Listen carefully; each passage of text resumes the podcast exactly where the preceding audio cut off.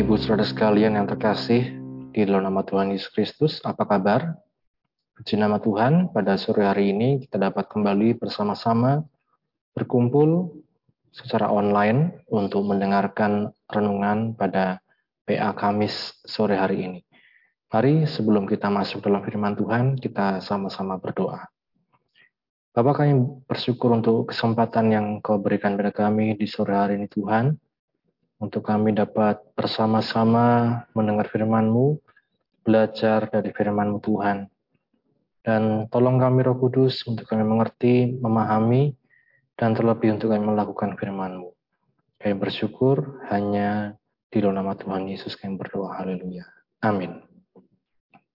Puji Tuhan, Bapak Ibu Saudara sekalian, bila di Kamis yang lalu kita sudah belajar yaitu setelah kita belajar tentang doa, apa yang kita minta di dalam doa, kita kemudian belajar untuk dikatakan hidup layak ya, untuk mengetahui kehendak Tuhan yang sempurna sehingga kehidupan kita layak dan berkenan dalam segala hal, memberi buah dalam pekerjaan baik, bertumbuh dalam pengetahuan yang benar tentang Allah.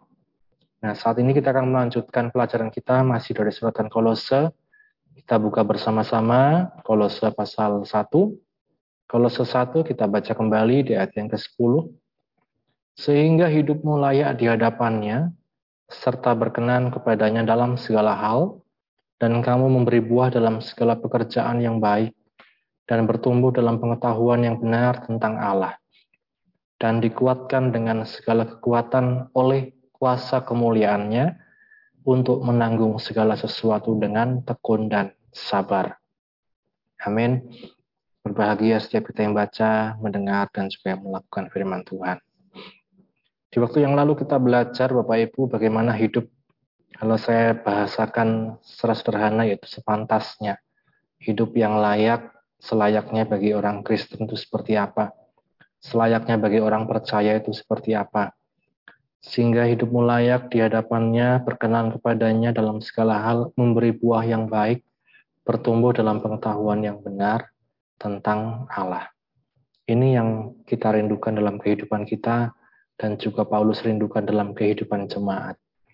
Dan kemudian selanjutnya Paulus katakan, dan dikuatkan dengan segala kekuatan oleh kuasa kemuliaannya untuk menanggung segala sesuatu dengan tekun dan sabar. Ya, Bapak Ibu saudara sekalian, dikatakan kita dikuatkan Tuhan bukan hanya sekedar agar cepat selesai masalahnya, bukan hanya sekedar agar doanya cepat dijawab, bukan hanya sekedar agar agar apa yang kita rindukan kita segera dapatkan, bukan sekedar itu. Tapi dikatakan kita dikuatkan dalam segala kekuatan oleh kuasa kemuliaannya untuk menanggung segala sesuatu dengan tekun dan sabar. Menanggung segala sesuatu dengan tekun dan sabar ini perkara yang tidak mudah Bapak Ibu saudara sekalian. Kalau kita bayangkan ya seperti mungkin kalau saya bayangkan seperti perjalanan. Ketika saya kemarin uh, dalam perjalanan dari Wonosobo, kemudian Jogja, kemudian menuju Maros, Sulawesi Selatan. Saya membawa tas, ya membawa barang-barang lain, membawa peralatan-peralatan yang diperlukan di sana, itu ditanggung, dibawa terus dalam perjalanan. Semakin eh, jauh perjalanannya tentu itu beban itu akan semakin berat. Nah, berbeda dengan mereka yang memakai uh, peralatan khusus, mereka yang memakai jasa khusus untuk membawakan beban mereka. Nah, di sini kita belajar bagaimana setiap kita memiliki beban-beban, Bapak Ibu saudara sekalian. Beban tiap orang berbeda-beda, beban kehidupan tiap orang berbeda-beda. Tidak bisa kita samakan satu dengan yang lain. Kita bisa melihat orang mungkin hidupnya baik-baik saja, mungkin kemudian kita lihat hidup kita kok berat sekali. Seringkali kita bandingkan seperti itu. Tanpa kita tahu bahwa apa yang sedang ditanggung oleh orang itu, apa yang sedang dihadapi oleh orang itu. Tiap orang memiliki beban yang berbeda-beda, Dan tiap orang dikatakan Tuhan tahu kekuatan kita, Tuhan tahu batas kekuatan kita sampai kapan. Bapak Ibu saudara sekalian, ibarat seperti seorang guru menyuruh anak-anaknya untuk belajar tentang beban. Ada siswa yang diminta untuk ke depan, kemudian dia diminta untuk membawa secangkir gelas berisi air, air putih. Diminta untuk diangkat terus ya. Tentu bukan beban yang berat, tetapi ringan, hanya segelas air putih. Tetapi waktu yang digunakan untuk mengangkat itulah yang sering kali membuat berat. Guru itu katakan, kalau saya belum katakan turun, jangan turunkan tangan. 10 menit, 20 menit, 30 menit mulai terasa kemeng, ya, kaku tangan murid tersebut. Belum lagi satu jam dan lain-lain. Jadi Bapak Ibu sekalian beban kita berbeda-beda. Ada orang yang mungkin kita lihat bebannya ringan tapi kita tidak tahu apa yang sedang diharapkan, ditunggu sampai bertahun-tahun dan lain-lain. Ada yang kita lihat bebannya begitu berat tapi mungkin segera berlalu selesai. Nah, Bapak Ibu sekalian di dalam Tuhanlah dikatakan ada kekuatan untuk kita bukan sekedar menyelesaikan masalah tetapi menanggung beban masalah tersebut menanggung beban sesuai dengan kekuatan yang Tuhan berikan, sesuai dengan kapasitas diri kita masing-masing. Bebannya tiap orang berbeda, kekuatannya tiap orang juga berbeda. Kita tidak tahu bebannya orang lain itu kapan selesainya, masalahnya orang lain kapan selesainya, tapi kita percaya bahwa di dalam Tuhan sendirilah kita beroleh kekuatan untuk menanggung berbagai macam masalah. Seperti yang dikatakan di 1 Korintus pasal 10 ayat 13, Bapak Ibu Saudara sekalian, kita buka bersama-sama 1 Korintus 10 ayat 13. Pencobaan-pencobaan yang kamu alami ialah pencobaan-pencobaan biasa yang tidak melebihi kekuatan manusia. Sebab Allah setia dan karena itu ia tidak akan membiarkan kamu dicobai melampaui kekuatanmu pada waktu kamu dicobai, ia akan memberikan kepadamu jalan keluar sehingga kamu dapat menanggungnya. Amin. Sehingga kita dapat menanggungnya. Dikatakan oleh firman Tuhan, pencobaan yang kita alami itu pencobaan biasa. Biasanya maksudnya apa? Dikatakan tidak melebihi kekuatan manusia. Tidak melebihi kekuatan manusia. Dan dalam menghadapi ini semua, firman Tuhan katakan kita perlu memiliki prinsip. Pertama, Sebab Allah setia. Ya, kita patut memasukkan dalam memori terdalam kita bahwa Allah itu setia. Kita masukkan hati keyakinan percaya kita bahwa Allah itu setia dalam setiap apa pun yang kita hadapi. Karena itu ia tidak akan membiarkan kamu dicobai melampaui kekuatanmu. Ia tidak akan membiarkan kamu dicobai melampaui kekuatan. Kalau kita resapi ayat ini Bapak Ibu Saudara sekalian, bisa jadi bahwa ada pihak-pihak ya, misalnya setan iblis yang ingin membuat kita dicobai melampaui kekuatan kita sehingga kita undur dari Tuhan. Tapi firman Tuhan katakan karena itu ia tidak akan membiarkan kamu dicobai melampaui kekuatanmu. Bahwa Tuhan tetap setia mendampingi, menyertai setiap kehidupan kita. Pada waktu kamu dicobai, ia akan memberikan kepadamu jalan keluar, sehingga kamu dapat menanggungnya. Pada waktu kamu dicobai, ia akan memberikan apa? Jalan keluar, sehingga kita dapat apa? Menanggungnya, Bapak Ibu Saudara sekalian. Tidak dikatakan kita kemudian masalahnya cepat selesai, cepat kelar, dan lain-lain tapi diberikan jalan keluar sehingga kita dapat menanggungnya. Seperti contoh yang saya katakan tadi, ketika kita dalam perjalanan, ada beban yang harus kita tanggung. Saya kemarin pakai tas, ya, di punggung, kemudian ada tas yang dibawa, digeret, kemudian ada peralatan lain yang harus dibawa, ditanggung sepanjang perjalanan. Itulah uh, firman Tuhan katakan, Tuhan berikan kita kekuatan sehingga kita dapat menanggungnya. Perjalanan kita kita tidak tahu sampai kapan, sampai di mana garis finish kita, Bapak Ibu Saudara sekalian. Tapi firman Tuhan memberikan satu jaminan bahwa pertama Tuhan itu setia. Ingat ini baik-baik Bapak Ibu Saudara sekalian. Manusia bisa tidak setia. Orang yang kita percaya bisa tidak setia. Orang yang kita andalkan bisa tidak setia. Tetapi Allah setia.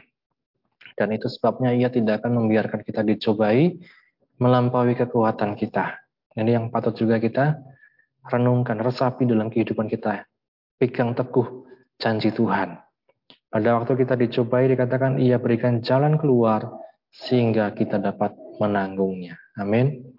Nah itu sebabnya uh, Rasul Paulus tadi katakan dalam Kolose 1 kalau kita kembali di ayat yang ke-11. Kolose 1 ayat yang ke-11 dan dikuatkan dengan segala kekuatan oleh kuasa kemuliaannya untuk menanggung segala sesuatu dengan tekun dan sabar. Dua hal yang uh, Tuhan inginkan dalam kehidupan kita. Yang pertama tekun.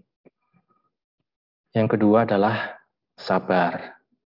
Ya, tidak mudah nih Bapak Ibu Saudara sekalian menjadi orang yang tekun dan sabar. Sudah tekun mungkin, sudah teliti, sudah baik, tapi kemudian kita harus diminta lagi untuk sabar.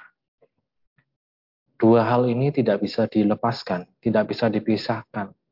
Tekun dan sabar dalam kehidupan kita sebagai orang percaya. Utamanya dalam kita menghadapi berbagai macam masalah dalam hidup ini. Tekun dan sabar.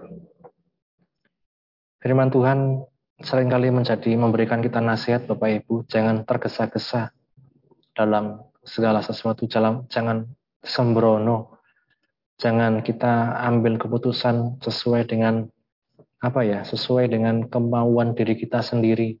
Ya, orang yang tergesa-gesa sering kali akan terjerumus dalam permasalahan. Orang yang sembrono sering kali mungkin akan dapat mengatakan hal-hal yang akan disesali di kemudian hari atau membuat keputusan-keputusan yang disesali di kemudian hari. Tetapi kita sekalian, Bapak Ibu sekalian, mari kita belajar untuk pertama tekun. Tekun kalau saya bayangkan seperti orang yang mengerjakan sesuatu dengan setia dari perkara yang paling kecil. Kalau kita mau bisnis, kalau kita mau usaha, jangan pikirnya yang penting nanti dapat hasil yang banyak, langsung banyak uang, langsung kaya, langsung punya ini, punya itu, dan lain-lain. Hati-hati, Bapak Ibu saudara sekalian, segala sesuatu yang instan, segala sesuatu yang menjanjikan keuntungan yang banyak dalam waktu yang singkat, sering kali pada akhirnya adalah sesuatu yang tidak bisa dipercaya. Tapi mari kita belajar untuk tekun sabar dari hal-hal yang paling kecil. Bukankah firman Tuhan berkata, setialah dalam perkara kecil, maka Tuhan akan percayakan perkara-perkara yang besar, termasuk dalam hal harta, uang, kedudukan, dan lain-lain. Setialah dalam perkara yang kecil. Yang kedua, sabar. Sabar menanggung segala sesuatu. Sabar ketika dimaki orang, ketika tidak dihargai orang, ketika mungkin tidak mendapat respon yang baik, dari orang lain, belajar untuk sabar. Nah ini Bapak Ibu Saudara sekalian, dalam kehidupan kita sebagai anak Tuhan, sebagai orang percaya, mari kita belajar dari firman Tuhan bahwa Tuhan lewat rohnya yang kudus, dikatakan dia memberikan buah roh, kesabaran, ketekunan dalam kehidupan kita. Untuk apa? Untuk menanggung segala sesuatu. Untuk beban-beban masalah yang sedang kita hadapi. Bagaimana buah ini bisa nampak? Tentu kita perlu dihadapkan pada satu kondisi, situasi yang tidak menyenangkan. Saat mungkin uh, pendapat kita tidak diterima, saat mungkin keadaan ekonomi sedang seret, saat mungkin segala sesuatu berjalan tidak sesuai dengan kita, yang kita rencanakan, apakah ada ketekunan dan kesabaran dalam kehidupan kita? Karenanya, Bapak Ibu Saudara sekalian, sore hari ini mari sama-sama kita kembali pada firman Tuhan, kita kembali belajar untuk menjadi pribadi yang tekun dan sabar. Dasarnya apa? Dasarnya adalah ketekunan dan kesabaran yang juga ada pada Yesus. Yang tekun menanggung segala bantahan. Ya, kita baca bersama-sama. Ibrani di pasal yang ke-12. Kita melihat dari ayat yang pertama. Karena kita mempunyai banyak saksi bagikan awan yang mengelilingi kita, marilah kita menanggalkan semua beban dan dosa yang begitu merintangi kita dan berlomba dengan tekun dalam perlombaan yang diwajibkan bagi kita. Tekun ya. Ayat 2, marilah kita melakukannya dengan mata yang tertuju kepada Yesus yang memimpin kita dalam iman dan yang membawa iman kita itu kepada kesempurnaan yang dengan mengabaikan kehinaan tekun memikul salib ganti sukacita yang disediakan bagi dia yang sekarang duduk di sebelah kanan tahta Allah. Tekun lagi dikatakan di sana. Di ayat 3, ingatlah selalu akan dia yang tekun menanggung bantahan yang sehebat itu terhadap dirinya dari pihak orang-orang berdosa, supaya kamu jangan menjadi lemah dan putus asa. Inilah teladan Tuhan Yesus dalam kehidupan kita. Dia yang menghadapi salib dikatakan dengan ketekunan, dengan kesabaran. Dan kekuatan yang daripada Tuhan, korban Kristus itulah yang juga memampukan kita untuk tekun dan sabar dalam menghadapi setiap masalah yang sedang kita hadapi saat ini. Karenanya, Bapak Ibu sekalian, mari pandang terus pada pribadi Yesus sendiri. Kembali pada firman Tuhan, andalkan Tuhan dalam kehidupan kita dan biarlah hidup kita terus dipimpin oleh Roh Kudus yang memampukan kita untuk terus menanggung segala sesuatu di dalam Tuhan Yesus. Amin. Mari sama-sama kita berdoa. Bapak kami bersyukur untuk firman-Mu yang telah kami baca, kami dengar renungkan Tuhan. Tolong kami untuk kami mengerti memahami dan untuk kami dapat juga Tuhan menjadi pelaku firman-Mu. Roh Kudus, Kau yang mampukan kami untuk dapat menanggung segala sesuatu di dalam Kau Tuhan dengan tekun dan sabar ya Tuhan. Setiap anak-anakmu saat ini Tuhan dalam perkembangan mereka masing-masing Kau yang tolong Tuhan, yang sakit disembuhkan, yang lemah dikuatkan, yang susah dihiburkan, yang sedang ada permasalahan berikan jalan keluar Tuhan. Secara khusus kami berdoa juga untuk Om Aban Tuhan, Bapak Andi Kurniawan, yang sedang terbaring sakit Tuhan di PKU, biarlah Engkau yang menjamah Tuhan oleh kuasa darahmu Yesus, oleh kuasa pilurmu Yesus. Engkau yang menjamah, menyembuhkan, memulihkan. Kami bersyukur ya Bapa, dan kami serahkan setiap kehidupan kami dalam tanganmu, apa pun yang menjadi perkembangan kami. Engkau yang tahu dan Engkau yang menolong. Kami bersyukur hanya di dalam nama Tuhan Yesus kami sudah berdoa. Haleluya. Amin. Di nama Tuhan, Bapak Ibu saudara sekalian, Tuhan Yesus memberkati. Amin.